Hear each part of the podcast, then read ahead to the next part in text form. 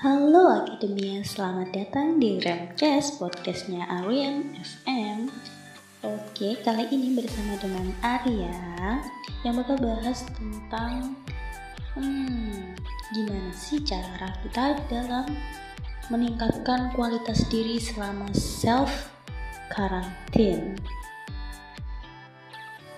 Nah, buat kalian yang masih betah di rumah aja, buat self karantin dan juga tidak melakukan apa-apa di luar rumah selain hal-hal yang sangat begitu penting dan sangat-sangat penting kalian bisa melakukan beberapa hal ini yang di kemudian hari bisa menjadi sebuah hal yang besar untuk kalian sendiri.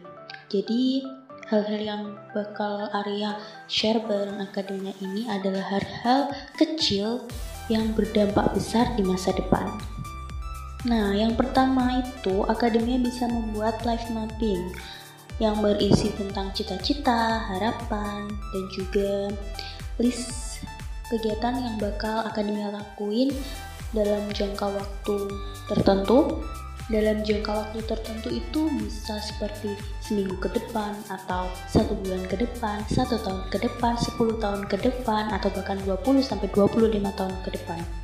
Life mapping ini bertujuan agar uh, hidup kita lebih tertata dan terarah melalui beberapa step-step yang telah kita buat sedemikian rupa hingga kita mampu menuju suatu titik di mana kalian bakal menyebutnya titik sukses kita sendiri.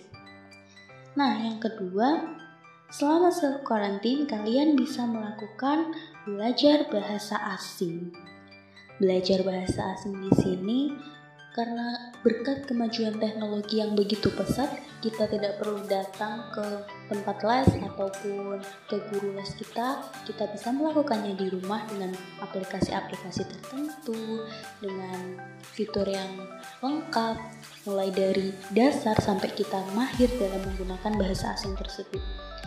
Nah, bahasa asing ini penting juga buat pergaulan dunia karena kita bakal, hmm, kita tentunya nggak mau di daerah-daerah ini aja kan. Maksudnya kita juga pengen, siapa tahu di masa depan kita pengen jalan-jalan ke Korea, ke Jepang, mungkin ke Eropa, ke Jerman, ke Amerika. Itu penting agar kita bisa dan menguasai bahasa asing agar tidak kaku saat berbicara dengan orang yang menggunakan bahasa selain bahasa ibu kita yaitu bahasa Indonesia dan bahasa daerah kita masing-masing.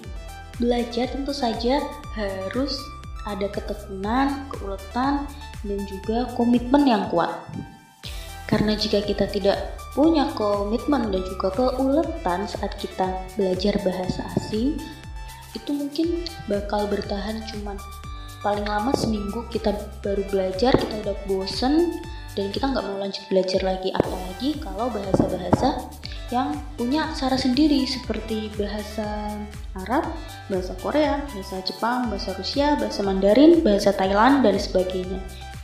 Bahasa-bahasa tersebut Bahasa-bahasa tersebut tentu saja perlu kita pelajari mulai dari das dasarnya seperti aksaranya terlebih dahulu, terus aksara yang terdiri dari konsonan dan juga vokalnya terlebih dahulu baru kita bisa merangkai kata dengan menggunakan bahasa tersebut. Yang selanjutnya kita dapat melakukan yang selanjutnya kita bisa melakukan pergaulan dunia lewat jari internet yang begitu luasnya dan juga membangun relasi yang kuat, membangun relasi yang kuat dengan kawan dari berbagai belahan dunia. Hal ini bakal berguna banget buat kita di masa depan karena kita nggak tahu kan masa depan seperti apa, masa depan kita bakal uh, hidup di mana, kita bakal bekerja di mana, itu kan masih itu masih tanda tanya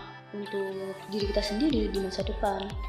Oleh karena itu, membangun relasi yang kuat bersama dengan teman-teman di seluruh dunia itu penting agar kita nantinya bisa bisa lebih mudah dalam dalam membangun berbagai jenis relasi seperti relasi kerja atau relasi atau mungkin relasi-relasi yang lainnya yang bakal berguna di masa depan. Untuk tips selanjutnya yaitu kita bisa melakukan untuk tips selanjutnya kita bisa memperbanyak wawasan kita dengan membaca buku. Membaca buku tidak hanya buku-buku novel, buku-buku cerita, buku-buku fiksi, bisa juga dengan buku-buku sejarah seperti sejarah Belgia, sejarah Indonesia. Kalau sejarah Indonesia mungkin sudah diajarkan sejak sekolah dasar ya. Mungkin sejarah-sejarah dunia deh. Dengan kita belajar sejarah dunia, kita bisa tahu seperti apa sih dunia saat